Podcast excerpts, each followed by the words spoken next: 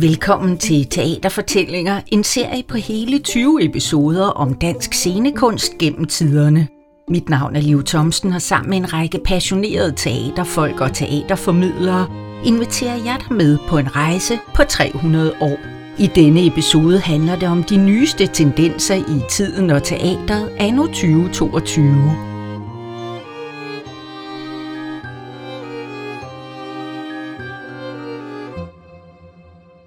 Jeg hedder Cecilie Ullerup Schmidt. Jeg er adjunkt i Forskningscentret Kunsten som Forum på Københavns Universitet, og jeg underviser i teater- performance studier og i moderne kultur. Og jeg hedder Solvej Gade. Jeg er lektor på teater- og performance studier på Københavns Universitet, og så arbejder jeg også som dramaturg. Og, øh, og vi skal jo tale om øh, de store generelle strømninger inden for moderne dansk teater. I har udvalgt fire temaer, og skal vi starte med det ene, det første, øh, med sådan en overskrift, der hedder Autoriteter står for fald. Hvad mener I med det? Jamen altså, man kan jo sige, hvis vi lige zoomer ud et øjeblik, så kan man sige, at de sidste godt syv år, noget i den stil, 7-10 år, der har vi jo virkelig oplevet et fald af autoriteter, en udfordring af autoriteter. Altså i kølvandet på MeToo, eller repræsenteret af MeToo, Black Lives Matter, de her væltninger af statuer, af tidligere koloniherrer, slavehandlere osv., som vi har set over hele verden. Øh, også herhjemme i øvrigt med bysten af Frederik den femte, femte. Der blev smidt i havnen og forårsaget en masse debat. Øhm, det er klart, at det kan man også mærke i teaterverdenen, hvor man i høj grad er begyndt at sætte øh, spørgsmålstegn ved, hvad er det for nogle historier, der fortæller, hvem fortæller vi til, øh, hvem står på scenen, hvem står bag scenen? Osv. Øh, og jeg synes, et, et godt eksempel for nu at tage fat i nogle af de sådan helt nye generationer, der kommer ud, er øh, afgangsforestillingen på den danske scenekunstskole her i år. Øh, en forestilling af Astrid Lindhardt, som hed Institutionen. Og øh, den udspillede sig på noget, der godt kunne være en scenekunstskole. Øh, som publikum blev man budt velkommen, man kom ind, man stod i kø, man fik et håndtryk, øh, der blev taget et billede af en, og så blev man venligt gelejtet ind i den her institution, sat på nogle tilskuerpladser. Og så lige pludselig så begyndte sku, øh, skuespillerne sådan at rokere rundt på os og skubbe til de her plader, hvor under vi sad. Så rummet blev brudt op, og vores øh, perspektiv blev ændret. Vi kom til at indtage forskellige positioner. Samtidig med det, øh, og der er sådan en, en scene, som jeg synes er særlig ikonisk, så øh, er der så øh, de her skuespillere, der går rundt og agerer på forskellige måder, og der er så den her scene, hvor de ligesom skal gøre sig klar og mække sig op. Og så ser vi så, hvordan de her forskellige skuespillere øh, ifører sig det samme tøj, øh, den samme lyse paryk, den samme makeup og øh, går forundret og glade rundt og siger, jamen du er ligesom mig, og vi er jo helt ens, så hvor er det dejligt, og publikum er også ligesom os. Ikke? Og det er klart, at, at det er svært ikke at læse den forestilling som andet end en kommentar til den ensliggørelse, eller homogenisering, kan man sige, øh, som øh, forestilling i hvert fald øh, antyder sker, når man går ind i en institution som en scenekunstskole eller rigtig mange af de institutioner, vi har i samfundet i dag. De havde sådan en underoverskrift for forestillingen, der hed We enter, we perform, and then we leave, but who do we become? Altså, hvordan er det, kroppe bliver formet? Hvordan er det, vi bliver kodet til at se verden på en, en bestemt måde, og helst den samme måde? Så den forestilling, synes jeg, er, er ret ikonisk øh, i den henseende. Men, men, men jeg ser det også meget som altså netop en, en øh, ja, normkritisk kommentar, kan man sige. Ikke? Og også lidt, helt ærligt, en fuckfinger til alle de der teaterchefer, der måske kommer ind og tænker, jamen nå, nu kommer der en masse nye skuespillere, vi skal ind og se, hvem vil være god at kaste i den her rolle. Ikke? Jeg oplevede det meget som en, en generation, der sagde, vi gider ikke at stå og byde os til for at blive castet og få job i teaterindustrien bagefter. Øh, nu kommer der et statement her fra os som generation. Men det spiller også ligesom ind i, i en vidhedskritik, som er på spil, og som jeg tror, vi skal tale lidt om i dag, øh, som, som er det her med, øh, at øh, ligegyldigt øh, hvad der skal repræsenteres på scenen, så kan det være den samme, der gør det, nemlig den hvide, fordi der er den her forestilling om, at vi kan spille alle roller. Og det har jo været meget til debat i de seneste år det har det, og det leder mig hen til øh, den næste øh, forestilling, I har ønsket at tale om i dag, nemlig Gertrud svarer igen. Øh, der tager man Shakespeare simpelthen øh, og, øh, og, og skriver ham helt om, eller hvad? Ja, altså man kan sige, fordi det er jo også noget af det, som, som der er mange, der er optaget i dag. Hvordan, hvordan forholder vi os til klassikerne? Øh, vi ved jo alle sammen godt, at der jo er notorisk flere manderoller, altså herreroller, end der er kvinderoller i klassikerne. Ikke? Der er mange flere replikker, der er meget mere taletid øh, til mænd i klassikerne. Det betyder selvfølgelig ikke, at vi ikke skal opsætte klassikere længere, men det betyder, at der er rigtig mange, der er begyndt at interessere sig for, jamen, hvordan går vi til klassikerne i dag? Ikke? Hvordan undgår vi at reproducere nogle af de normer øh, og værdier, som klassikerne selvfølgelig også er udtryk for? Altså, de er jo også værker, der er indlejret i en bestemt tid og er præget af et bestemt syn og værdisyn osv., altså, som afspejler den tid, de nu er født i. Øh, og der valgte øh, instruktør Liv Helm, øh, direktør for Husets Teater, så her i efteråret at opsætte en forestilling, der hed Gertrud Svar igen, som ligesom handler om at gå ind og høre, jamen, hvor meget, altså hvad vil Gertrud sige, hvis hun kunne hvis hun kunne komme til ord. Og i programmet til forestillingen, der bemærker Liv, at øh, jeg tror, det er 4% af replikkerne, som er øh, Gertruds og Ophelias, altså de to kvindelige roller, og resten af mændene.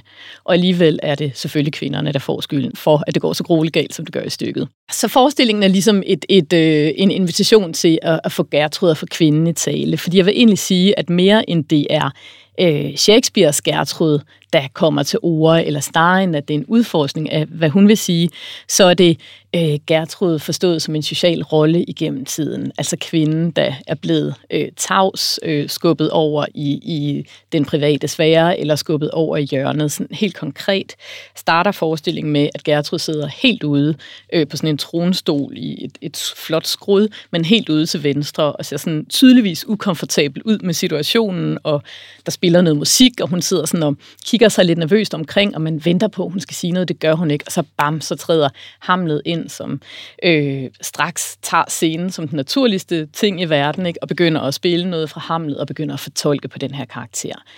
Øhm, og så øh, sker der så videre det i forestillingen, at ikke bare, øh, øh, eller at den bliver en slags øh, forhandling omkring, kan man sige, jamen, hvem har egentlig magten også i prøverummet, og øh, Christine Albæk Børge, som spiller rollen som Gertrud, deler så nogle dagbogsnotater fra prøveforløbet, øh, hvor vi også ligesom får et, øh, ja, som sagt, et blik for, for kvindens rolle, eller den kvindelige skuespillers rolle måske også, og, og netop nogle af de her forhandlinger og, og, og magtpositioner, der er i det her rum. Så jeg ser meget den, den forestilling igen som meget typisk for, for den her kritiske spørgen til repræsentation jo faktisk, ikke? Øh, der sker i teatret i, i de her år. Og samtidig så er det jo også interessant, når du så nævner, at dagbogsnotatet kommer ind, så er der også noget med at bringe den private krop med ind Præcis på scenen. Nu er jeg jo for eksempel barn af nogle skuespillere, der fortalte mig, at, øh, at det private, det hænger vi i garderoben, og så går vi på arbejde inde i teateret. Ikke? Øh, og, og det er altså anderledes i den generation, som, som vi er en del af i dag, eller dem, som skaber lige nu. Ikke? Det er faktisk, at øh, den private krop og de private erfaringer bliver taget med ind på scenen og bliver politiseret. Ikke? Øh, den, øh, det usynlige liv, som vi ikke skal tale om i teateret. Og jeg kan godt tænke mig at tale om en, om en, en forestilling af performancekunstneren Sarah Hamming, øh, som hedder Tabt Titel, som også handler om øh, om det øh, sårbare liv, som, øh, som kunstnere fører øh, i vores samtid, det prekære liv. Øh, tabt titel øh, er en performance, som blev vist første gang på Tornby Park Performance Festival i juni 2021, øh, det vil sige i sommer. Øh, og det er sådan en øh, performance, hvor Sara øh, står i midten af en cirkel af publikum. Publikum står omkring hende, og øh, så går hun rundt med sådan et øh, brugt manuskript øh, et manuskript, hun har brugt til andre performances, som hun taler fra igen. Og det i sig selv er ligesom en, øh, en gestus af genbrug. Ikke en klassikeropsætning, men øh, en, en, en, gør en repertoire af performance-materiale, altså at genbruge noget, øh, i stedet for at tilbyde det nye inden for performance-genren. Og det er ligesom en kommentar på i sig selv. Øhm, hvad er forventningerne, når vi træder ind i scenekunstrummet? Vi vil altid se os i kunstverdenen i det hele taget. Vi vil se det nye, det overraskende, øh, det vi ikke har hørt før. Og der er sådan et løfte om altid om autenticitet. Øh, men det er også et øh, opslidende og krævende løfte øh, fordi man som kunstner hele tiden skal genopfinde sig selv øh, og skal komme med noget nyt. Ikke? Øh, og der kommer Sara så eksplicit her med øh, et gammelt manuskript og gentager, bladrer rundt, finder citater, som hun bruger igen. En del af de her citater er også research-optegnelser, hvor hun har observeret et liv parallelt til hendes eget. Øh, en nabo, som har boet i samme opgang, som hun giver titlen A. Og A er, øh, tror jeg, øh, kontanthjælpsmodtager, bor i en lejlighed under Sara, øh, og kommer ikke ud af sin lejlighed, fordi hun er sådan en hårder, en der samler ting omkring sig. Og den her nabo, øh, som Sara refererer til, er blevet øh, smidt ud af viseverden, fordi hun ikke øh, har lukket døren op til sin lejlighed, da der skulle være noget VVS-arbejde. Øh, og på den måde, så bliver hun et, en form for tabt liv. Så Sarah Hamming, hun øh, synliggør ligesom den her nabo og refererer til et liv, som ikke længere er synligt, fordi det måske ikke er nyttigt i samfundet. Og det er jo også, selvom det er øh, det her det er et spørgsmål om klasse, som hun ligesom fremhæver, en, en, en, en underklasse i Danmark, øh, som er kontanthjælpsmodtagere, som ikke tæller i vores øh, nytte øh, øh, maksimerede samfund, øh, men også et liv, som jo også ligger tæt op af det prekære kunstnerliv, hvor man hele tiden spørger sig selv, om man er til nytte, når man laver kunst, fordi spørgsmålet om kunsten overhovedet betyder noget i samfundet i dag, er jo virkelig øh, oppe til debat, og det er ligesom ikke højt på nogle politiske dagsordner. Så det her med hele tiden at skulle bevise sit værd, også som kunstner, bliver samtidig sådan meta-kommunikeret ved at sætte det her øh, tabte liv øh, i værket tabt titel ved siden af kunstnerlivet. Det virker som en pendant til litteraturens øh, autofiktion. Ja, det kan man absolut sige. Det tror jeg er sådan et begreb, som mange gymnasieelever har fået med i de seneste 10 år, autofiktion. Og det er helt klart, altså det her med at tage sin egen biografi med ind i værket, øh, og, øh, øh, og, og skrive oven i det, øh, redigere det, også forhandle det autentiske selv, ikke? som vi har set det hos sådan en forfatter som Olga Ravn, der skriver om mit arbejde, som Liv Helm i øvrigt også har iscenesat på Husets Teater, øh, eller øh, Nielsen, øh, fænomenet Nielsen, der jo også har arbejdet med at redigere i sit liv på scenen, kan man sige, over mange år.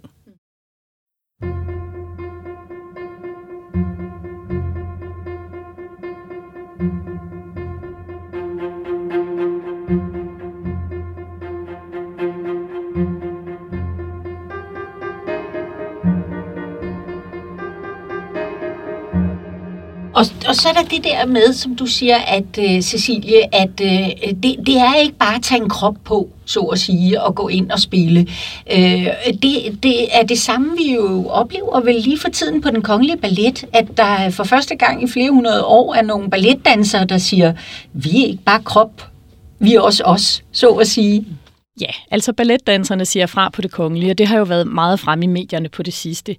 Jeg vil sige, at debatten om den kongelige ballet, den handler faktisk om to ting. Den handler dels om stereotype fremstillinger af ikke-vestlige folkeslag på scenen, og så handler den om arbejdskultur bag scenen. I forhold til det første, så har vi scenekunsten jo en lang tradition for fascination af blandt andet mellemøstlige og asiatiske kulturer. Så det ser vi fra det elisabetanske teater over Øenslager til Brecht, Meyerhold, Artaud og Teatre du Soleil i det 20. århundrede.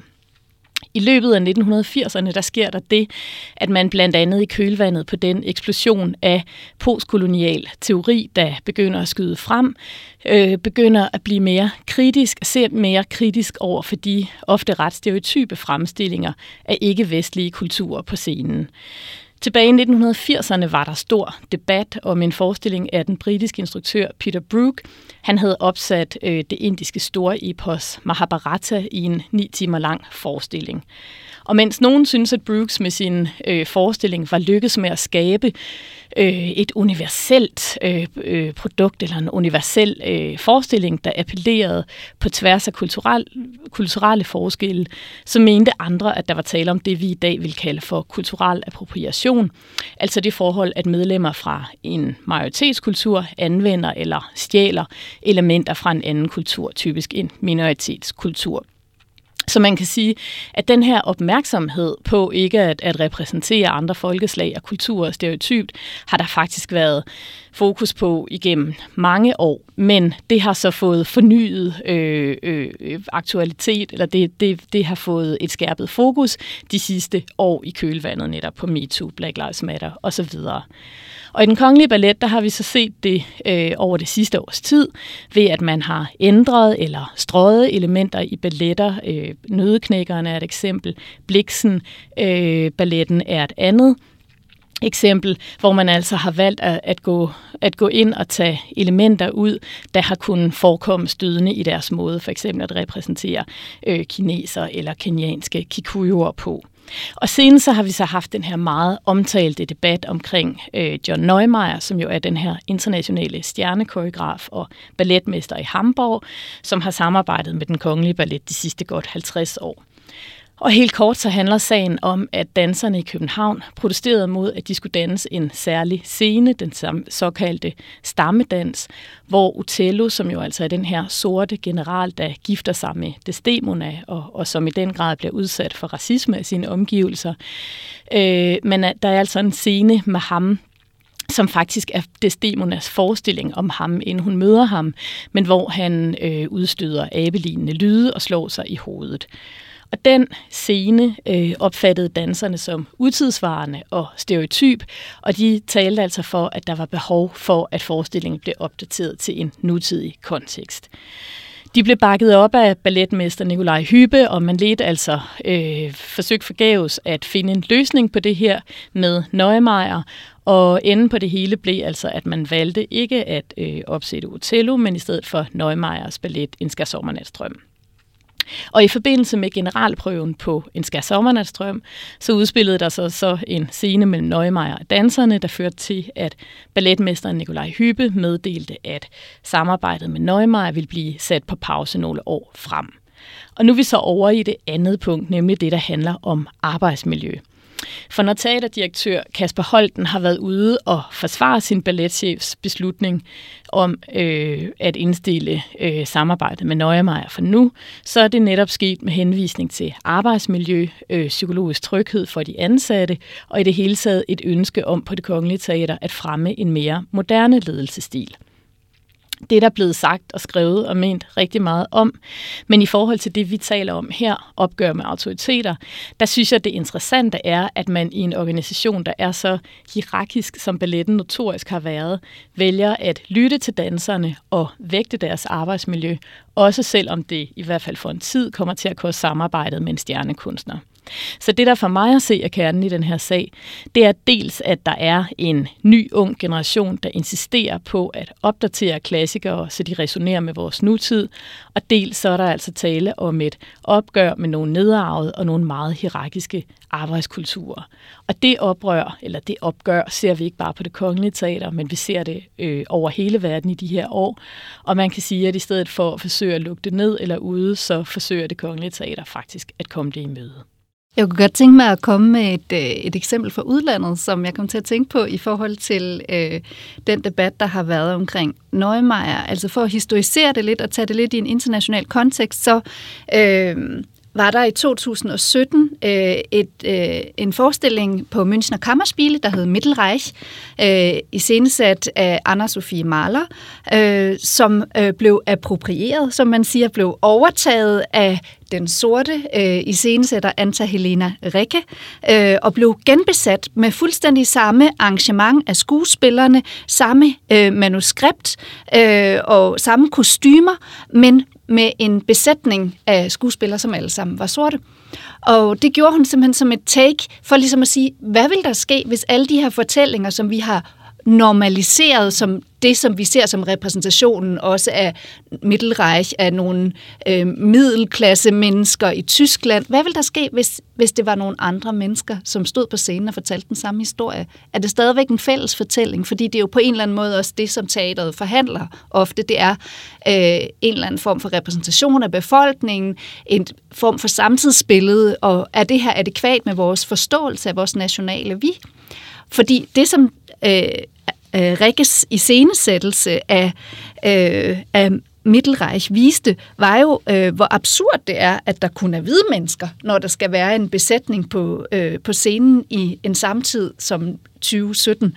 Øh, og, og det blev øh, gjort absurd i det, hun gjorde det modsatte greb ved at sætte sorte øh, skuespiller på scenen. Og forestillingen, skal bare lige siges, blev øh, taget med til teatertræffen, det ypperste øh, træf af best, best of forestillinger i det tysksprogede område, og altså skabte virkelig sådan en ny konsensus for øh, øh, at genoverveje, hvem der er i scenesætter, hvem der er på scenen, og hvis fortællinger, der bliver fortalt. Ikke? En ting er, at sorte overtager hvide roller, så at sige, og, og fortællinger og teaterstykker, men når hvide overtager øh, hvad skal man sige, det sorte, så afstedkommer det problemer. Jo, øh, forestillingen Black Madonna, som først havde en anden titel af øh, Christian Lollicke og Nielsen, øh, blev vist på sort-hvid og skabte jo en øh, hæftig debat, fordi øh, den øh, blandt andet havde en scene, hvor Nielsen øh, maler sig sort i ansigtet og tager afroparyk på. Øh, det er en del af en øh, fortælling om den her sorte aktivist, eller faktisk hvide aktivist, der gør sig sort, en, faktisk en, en, øh, en dokumentarisk fortælling. Ja. Den her øh, hvide aktivist, der gør sig sort, øh, det, er en, det er hendes fortælling, som Nielsen sætter på scenen, øh, og i den her fiktive fortælling øh, bliver det så en del af Nielsens øh, og Lollikes iscenesættelsesgreb, at Nielsen skal male sig sort. Og det afsted kommer jo øh, altså vild på styr. Ikke? Jo. Hvad er det for regler, han forbryder sig mod, de forbryder sig mod?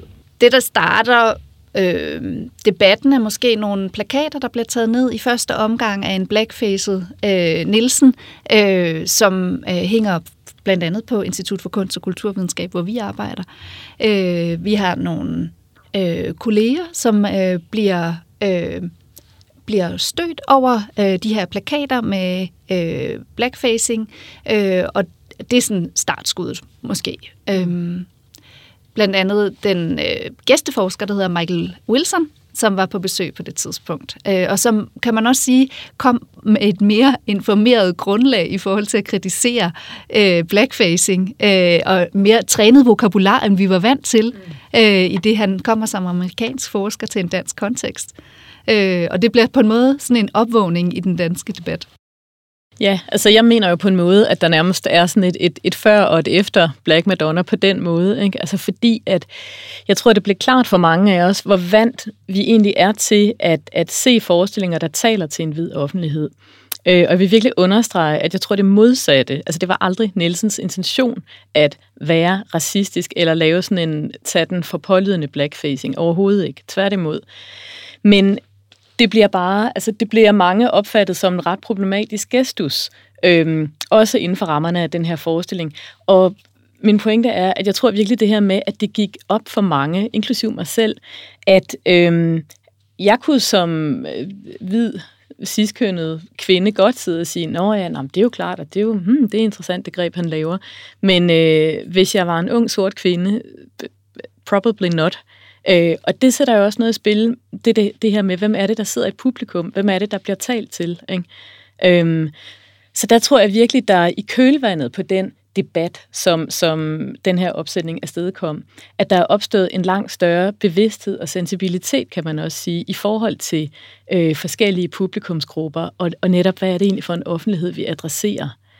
Øhm, og hvis jeg bare lige må sige, der synes jeg, at, at et, eksempel, et, et øh, eksempel på, hvordan det også vinder frem i institutionerne, det er Blågård Teateret, som Sargon Oceana øh, er blevet... Øh, direktør for her for nylig, og noget af det, han skriver, han vil med det her teater, det er jo, at han vil, han siger, øh, tiden er inde til et nyt kapitel på Nørrebrogade, der afspejler det teater, vi gerne vil være i fremtiden.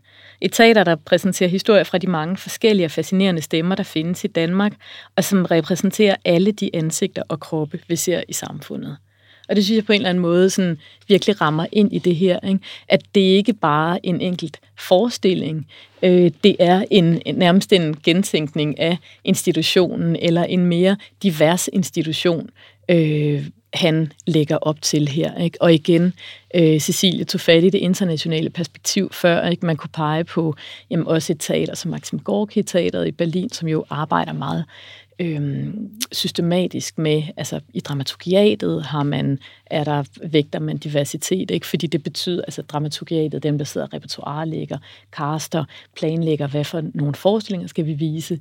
Øh, der har man diversitet, man har det på scenen, man har det bag scenen, man har det på alle niveauer i huset. Ikke? Øh, og der vil jeg nok sige, at, at øh, et teater som Blågård Teater er, er et bud herhjemme på det også. Man kunne også nævne Mungo Park, der øh, jo også har et, et diverst ensemble, ikke? og som i øvrigt øh, har valgt ikke at gøre et stort nummer ud af det i forbindelse med deres lancering, men netop lidt ligesom Sargon ligger op til her, det, det er naturligt nok egentlig, at teatret, øh, teatrets ensemble også skal afspejle øh, det samfund, vi ser omkring os. Ikke? det er imponerende, at det her mangfoldighedsarbejde, som sker i øh, teatrene lige nu, at det sker nedfra, at det sker fra kunstnernes side, fordi hvis man kigger til udlandet, så øh, er der kulturpolitisk øh, enstemmighed om, at mangfoldighedsarbejde er noget, som skal initieres også fra kunstrådets side og skal være på alle institutioner, og det er meget mere sådan en politisk agenda, hvilket man ikke ligefrem kan sige i Danmark, at det er.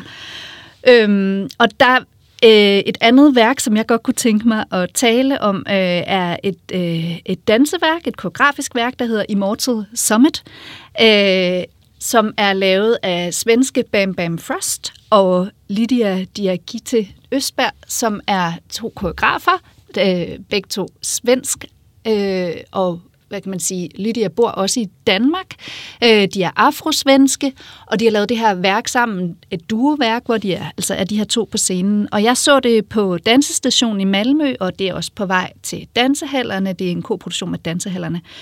I det her værk, så øh, er de klædt i sådan noget øh, denim øh, tøj, og de har solbriller på, og man får sådan lidt association til måske sådan noget gangster-rap, men også øh, plantagearbejde, altså spiller på nogle, øh, sådan en, en sort historik, kan man sige.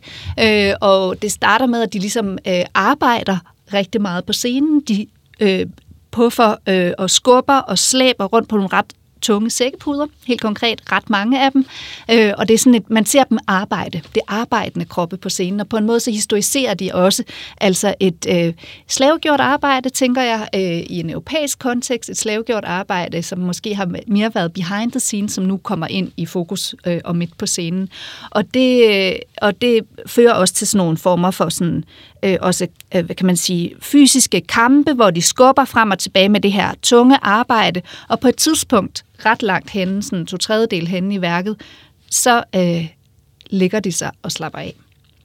Og det er den sidste tredjedel af værket er, hvor de slapper af øh, og smiler. Fordi nu skal de måske ikke arbejde mere. Og det synes jeg er et ret stærkt statement at sige, nu ligger vi her på scenen og har det rimelig chill. øh, altså, og det, altså, fordi måske er det ikke vores tur til at arbejde længere, hvis vi ser på det historisk. Måske skal vi bare ligge helt i spotlyset og ikke lave noget. Du har også nævnt uh, Vanitas. Ja, det er jo et andet form for fællesskab, et queer-fællesskab, øhm, som er et værk af øh, koreografen Jules Fischer. Øhm, Vanitas blev vist på Den Fri i minus et, som er deres scene øh, under jorden, øh, den fri udstillingsbygning, øh, i rammen af det her øh, samarbejde, der hedder Toaster, mellem Husets Teater og øh, den fri udstillingsbygning. Vanitas øh, er et øh, koreografisk værk med Andreas Haglund, Annie Bigum Kampe, Julian Doko og Kai Mærke. Jeg siger lige deres øh, navne, fordi øh, det er sådan meget samskabt værk. Det er meget tydeligt, at de alle sammen har været med til at skabe det. Blandt andet er der to af, performerne, som er meget, meget dygtige sangere også. Øh, og øh, i det hele taget, så er det her et øh, fællesskab på scenen, som øh, også er øh, en forsamling af nogle kroppe, som øh, forstår sig selv som queer eller trans eller femme. Øh, og øh, øh, så der er både, altså det, det ene, det er, at man ser dem bevæge sig. Det andet er faktisk også en manifestation af at samle nogle specifikke kroppe på scenen og gøre dem til majoritet for en stund. Og jeg kan sige, at, øh, at værket rørte mig rigtig meget. Jeg så det den, øh, den 25. juni, som var dagen efter angrebet på LGBTQI-barn i Oslo, hvor der var øh, flere mennesker, der døde. Øh, det var lige op til Pride. Øh, og, øh, og der var det her publikum, som ligesom så forestillingen, øh, og som altså det blev sagt inden forestillingen også, det betyder meget for os at vise den her forestilling og være det her queer-fællesskab i det her kunstrum sammen, særligt på den her dag. Øhm, og så altså, i værket blandt andet bliver der, bliver der sunget nogle sange, sådan repetitivt performerne øh, danser nogle scores sammen, men synger også repetitivt nogle sange, blandt andet øhm, Here's a room with everyone in it, your dead friends passing through you. Don't be afraid. Don't worry. The most beautiful part of your body is where it's headed. Altså at sige i et stort rum med et queer community, også i publikum, vær ikke bange. Øh, du skal ikke være bekymret dagen efter øh, det her øh, det her hadangreb mod, øh, mod queer community var en meget, meget stærk og politisk øh, begivenhed for mig.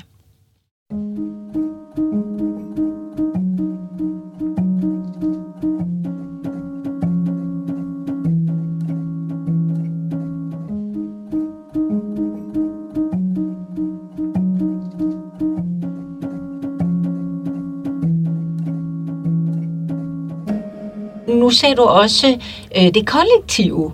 Altså, at øh, der er opstået en ny slags teaterkollektiver, øh, som øh, omdefinerer måden at, at øh, lave teater på. Ja, det må man sige. Altså, det, det er helt tydeligt, at der de sidste år altså, har været meget stor interesse, og igen, ikke mindst for de nye generationer. Altså bare i flæng kunne man nævne øh, The Other Eye of the Tiger, Lotion, Danseatelier, Dansekooperativ, øhm, familien. Præcis. Altså, der er masser af øh, Institute of Interconnected Realities osv. osv. Ikke?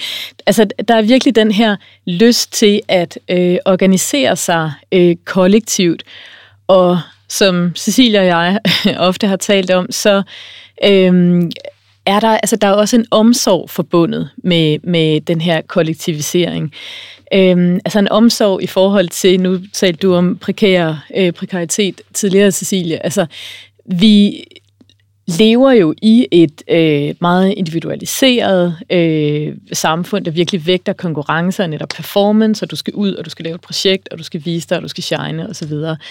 Og der synes jeg virkelig, man, man kan se, øh, hvordan den her øh, øh, det her ønske om at skabe de her kollektiver. Det, jeg tror heller ikke, det er tilfældigt, at der er et kollektiv, der kalder sig familien, øh, hvor man øh, yder omsorg for hinanden, hvor man skaber kunst sammen, men man også yder omsorg for hinanden. Flere af de her kollektiver er også interesseret i, hvordan kan vi Øhm, altså, hvordan kan vi også arbejde på en anden måde, indføre en, en anden arbejdsetos, hvor det ikke handler om at smadre sig selv fuldstændigt, som der jo lidt har været en etos om. Du er ikke en rigtig scenekunstner, hvis du ikke ligger fuldstændig nede under gulvbrædderne, når du har lavet en forestilling. Ikke? Øh, det her med at være, have børn, ikke? Være, være forældre, være mødre, være fædre, hvordan kan vi øhm, være det? Altså, hvordan kan vi skabe kunst, samtidig med, at vi også skaber tid til vores familie?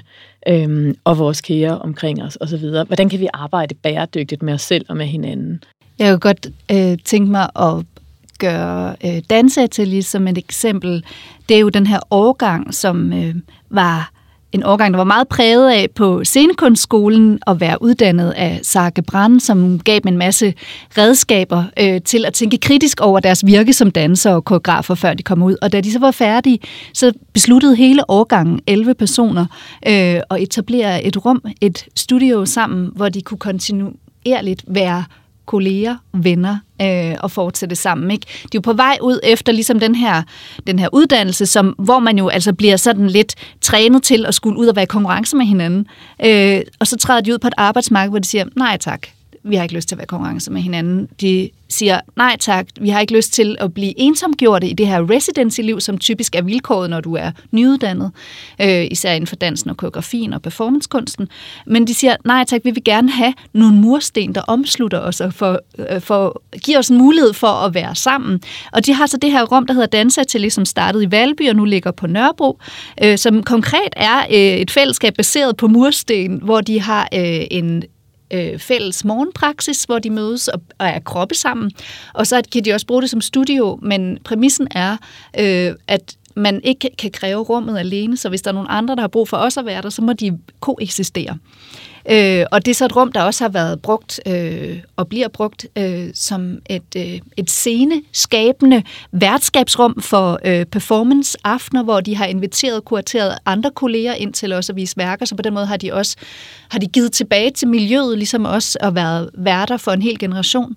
Og det kunne jeg godt tænke mig lige sådan at knytte en kommentar til, fordi det er nemlig interessant, at de er selvinstitutionaliserende det er noget, som ligesom i mangel på rigtig gode, omsorgsfulde institutioner, så begynder kunstnerne ligesom nedefra at skabe de institutioner, de har brug for.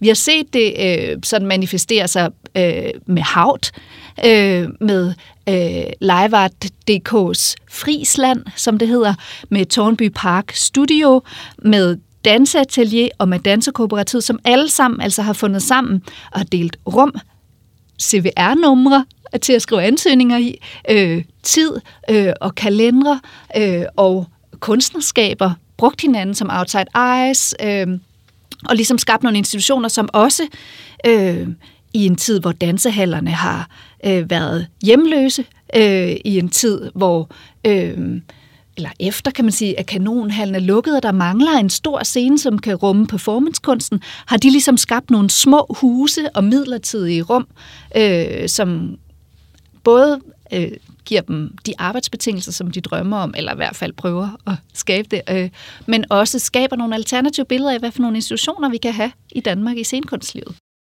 Og der kan man jo så sige, at et teater som Betty Nansen Teateret er jo et eksempel på sådan et, et mellemstort institutionsteater, der netop altså sådan eksplicit siger, at de med inspiration fra forskellige performancegrupper øh, og det frie felt netop prøver at omtænke den her institution.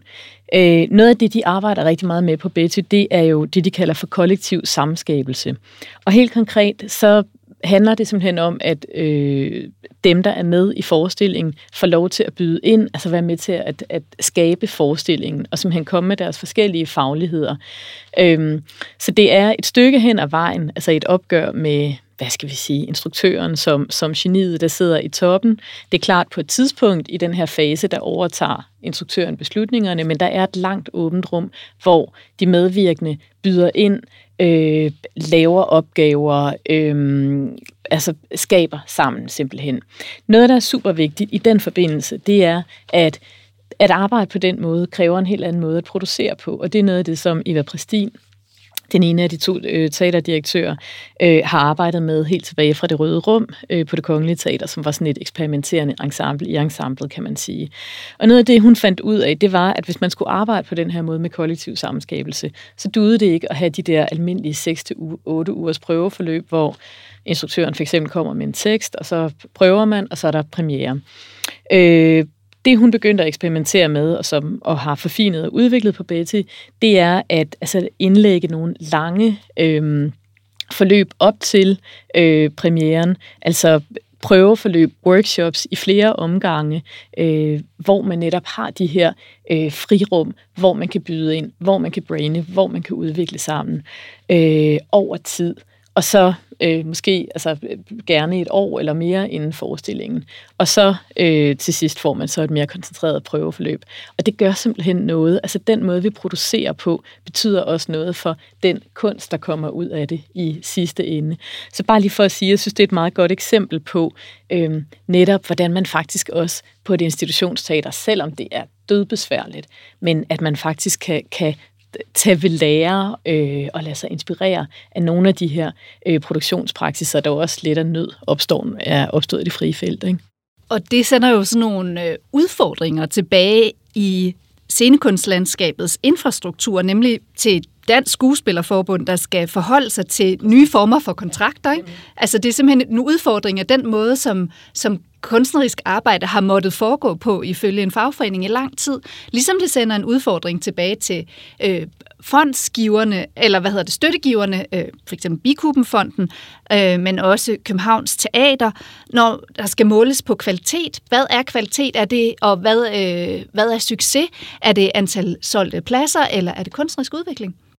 Når Betty sætter et, et prøveforløb i gang to år før premieren, så er det jo ikke kun at gå tidligt i gang med at tænke, men også øh, tidligt i gang med at invitere nogle forskellige kunstneriske øh, fagligheder ind i rummet, så en koreograf kommer ind fra starten og ikke kun får pynt til sidst, Præcis. eller en musiker eller en forfatter øh, kommer med ind helt fra starten, ikke? eller nogle dansere, så de ikke er, altså det ikke er øh, teater, som vi taleteater, som vi kender det, plus pynt fra andre mm. øh, kunstformer, men at det faktisk måske kan blive tværkunstnerisk på en anden måde. en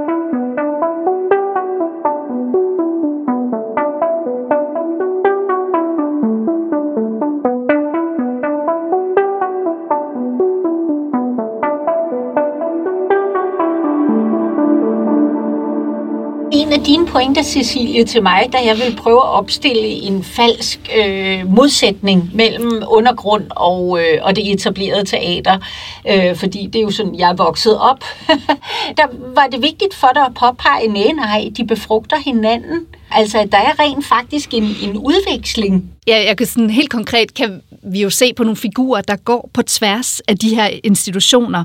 Øh, sådan en... Øh, performer som Beck Heiberg, som er en øh, transperformer, har øh, performet i Pride på det Kongelige Teater, men er også en del af dansekooperativet i Valby, som er det her lille selvinstitutionaliserede øh, sted, og performer øh, i dansehallerne med en solo. Altså, så det er en figur, der ligesom er på tværs, og jeg tror også, hvad kan man sige, at øh, lige præcis de her kapaciteter, som øh, også med deres kroppe er i stand til at øh, tilbyde andre former for repræsentation, dem er der så stor efterspørgsel på, at de simpelthen går på tværs af øh, traditionelle skæld inden for teaterinstitutionerne, øh, men også på tværs af kunstformerne. Sådan en som Jules Fischer er netop blevet øh, udråbt som årets performance-skaber øh, inden for billedkunstverdenen, øh, hvor de havde lavet et værk øh, til øh, den store chart-messe, øh, og samtidig har de iscenesat på torsdag, som er altså en øh, scenekunstinstitution. Så på den måde, så er det altså ikke sådan vandtætte skøder, hverken mellem kunstformerne eller mellem teaterinstitutionernes lag. Nej, jeg vil nemlig også sige, man kan jo virkelig se, hvis man kigger ud over øh, scenekunstlandskabet, altså også institutionerne, at vi ser flere og flere af de her alliancer, altså Toaster, som vi talte om før, er jo et rigtig godt eksempel på det, øh, som er det her samarbejde mellem altså den fri udstillingsbygning og husets teater. Øh, jeg er ikke sikker på, at der findes noget lignende faktisk hvis vi kigger andre steder hen, øh, sort-hvid, der har fået status som det her øh, altså teater for musikdramatik, eller Revolver ved Østerbro Teater, der øh, har lavet en række samarbejder med billedkunstnere, blandt andet Jesper Just og Ed Atkins og andre, som har været inde og instruere øh, teater, ikke? og ligesom prøvet kræfter med den genre. Så jeg synes, at, at, at man kan virkelig se, at der er den her lyst til at netop gå på tværs af kunstarter i, i de her år. Og, og så synes jeg, at vi øh, også lige skal runde øh, Metropolis. Man kunne sige, at deres format øh, Walking Copenhagen, øh, som de lavede under coronanedlukningen, som var en form for digitalt teater, hvor man som øh, kunstner blev inviteret til at lave en 12-timers performance med øh, øh, nedslag hver time, øh, at det var et eksempel på en invitation fra Metropolis, som vidderligt gik på tværs af kunstneriske genrer. Så der var lydkunstnere, der lavede værker, der var performancekunstnere, der var dansere, der var skuespillere, der var digtere, øh, der var landartkunstnere, der var kostymedesignere, som lavede hver deres afsnit 100 kunstnere over 100 dage. Øh, så det er i hvert fald et, et storstilet projekt, som også fik virkelig meget opmærksomhed, og som gjorde folk, tror jeg, ret glade i sin nedlukningstid. Øh, et øh, eksempel, også et, øh, et et udfordrende format for kunstnerne. Jeg gik selv sådan en, øh, sådan en performance, jeg lavede et bidrag til det, øh, og skulle lave en performance over 12 timer, er jo også virkelig noget at opdrage. Ikke? Jeg synes, det giver mening, det her med at bevæge sig ud af blackboxen og ud i den natur eller de landskaber, det handler om. Metropolis har haft den her øh, serie. Kan du, Solvej, lige forklare blackboxen? Hvad er det for et begreb? Ja, blackboxen, det er jo den her forestilling om øh, teaterrummet, ikke? som det her lukkede rum, hvor vi sidder og, og ser en, en forestilling. Ikke? Øh, publikum på rækkerne og spillerne øh, nede på scenen. Altså det er noget andet end Prosceniumsteateret, men, men vi sidder ligesom stadigvæk øh, i vores stole og kigger på noget, øh, der foregår på en scene. Og der kan man sige, det at bryde med blackboxen og gå ud i et landskab, kalder jo på en, altså det kalder på en anden, det er en anden måde at, at opleve scenekunst på og interagere med øh, skuespillerne på. Og Metropolis, de har så haft den her serie øh, af øh, festivaler, kan man sige, eller formater, der hedder Walking Landscapes, Talking Landscapes, og til sommer kommer der en, der hedder Performing Landscapes. Øh, og hvor det som sagt handler om at forlade teatrets blackbox og komme ud i landskabet. Men det er vel at mærke ikke landskabet forstået som sådan en eller anden romantisk natur, øh, hvor vi kan gå ud og, og, og være i pagt med naturen, nærmest tværtimod. Øh, det er noget med at kaste et blik på jamen, den natur, vi har skabt øh, for os selv i dag. Ikke? Altså i lyset af øh, klimaforandringer, det antropocene, øh, den måde, hvorpå naturen er blevet udpint, kan man sige, som ressource på. Og mere end at øh, give sig til at, at øh, græde over det, Cecilies og min gode kollega Mikkel Fransen har sagt noget i retning af, han har skrevet en bog, der hedder Klodens Fald, han har sagt noget i retning af. Det er barbarisk i dag kun at øh, skrive om dystopier i kunsten. Noget i den retning. Øh, Øh, og den øh, tror jeg, der er rigtig mange af de kunstnere, øh, jeg har oplevet på de her metropolitiske works, der kan tilslutte sig. Fordi snarere end at sætte sig ned og græde over det, vi har skabt for os selv, så handler det om, jamen, hvordan, hvordan kan vi så være i den her den verden, vi har skabt for os selv, og hvordan kan vi samme eksistere med andre arter, og hvordan kan vi eksistere på, på en måde, hvor det ikke kun er på menneskets betingelser, men hvor vi også prøver at tilte vores perspektiv og se på øhm, verden omkring os med andre øjne. Helt konkret kan jeg pege på en, et, øhm, en forestilling, en samtale, jeg deltog i i sommer under øh, Metropolis, der hed Tingenes Råd.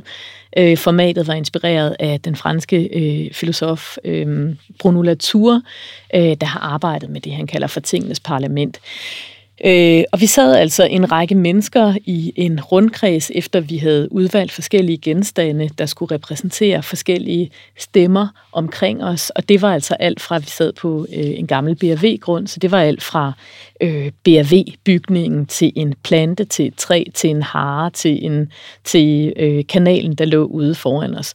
Og så skulle vi så i løbet af, af, af den her samtale bytte plads og ligesom repræsentere de her forskellige øh, arter eller objekter eller ting, ikke? og ligesom se verden fra deres perspektiv, og så få en samtale til at, at glide, og det viser sig at være ganske svært, men også ganske interessant, ikke? fordi vi er så vant til at se verden fra vores perspektiv, altså fra det menneskelige perspektiv, øhm, og på vores præmisser. Og det synes jeg, man kan se, der er rigtig meget øh, teaterkunst og rigtig meget scenekunst, der handler om i de her år, at hvordan kan vi sammen forestille os andre fremtider i den verden, vi står i nu og her. Så er det ud af blackboxen? Ja. og det synes jeg faktisk er øh, det smukkeste sted at ende at, at øh, der i teateret og i kunsten øh, er en mangfoldighed og en diversitet og et ønske om øh, nye perspektiver Tak skal I have. Selv, Selv tak. tak. Du har lyttet til Teaterfortællinger, en podcast produceret af Historieselskabet for Dansk Teater 300 år. Lyden stod Per Buhl Aks for, og musikken er fra Upright Music. I næste episode handler det om Ludvig Holberg og det teater, han skabte for 300 år siden.